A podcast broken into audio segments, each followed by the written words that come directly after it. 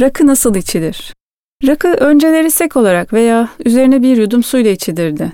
Bugün genellikle suyla karıştırılarak tek başına veya yanında su ile istenilen alkol derecelerine getirilerek içilir. Aperatif bir içki olarak mezelerden oluşan sofralarda tüketilen rakı kendi adabını yaratarak içki kültürümüzün oluşmasında çok önemli katkı sağlamış.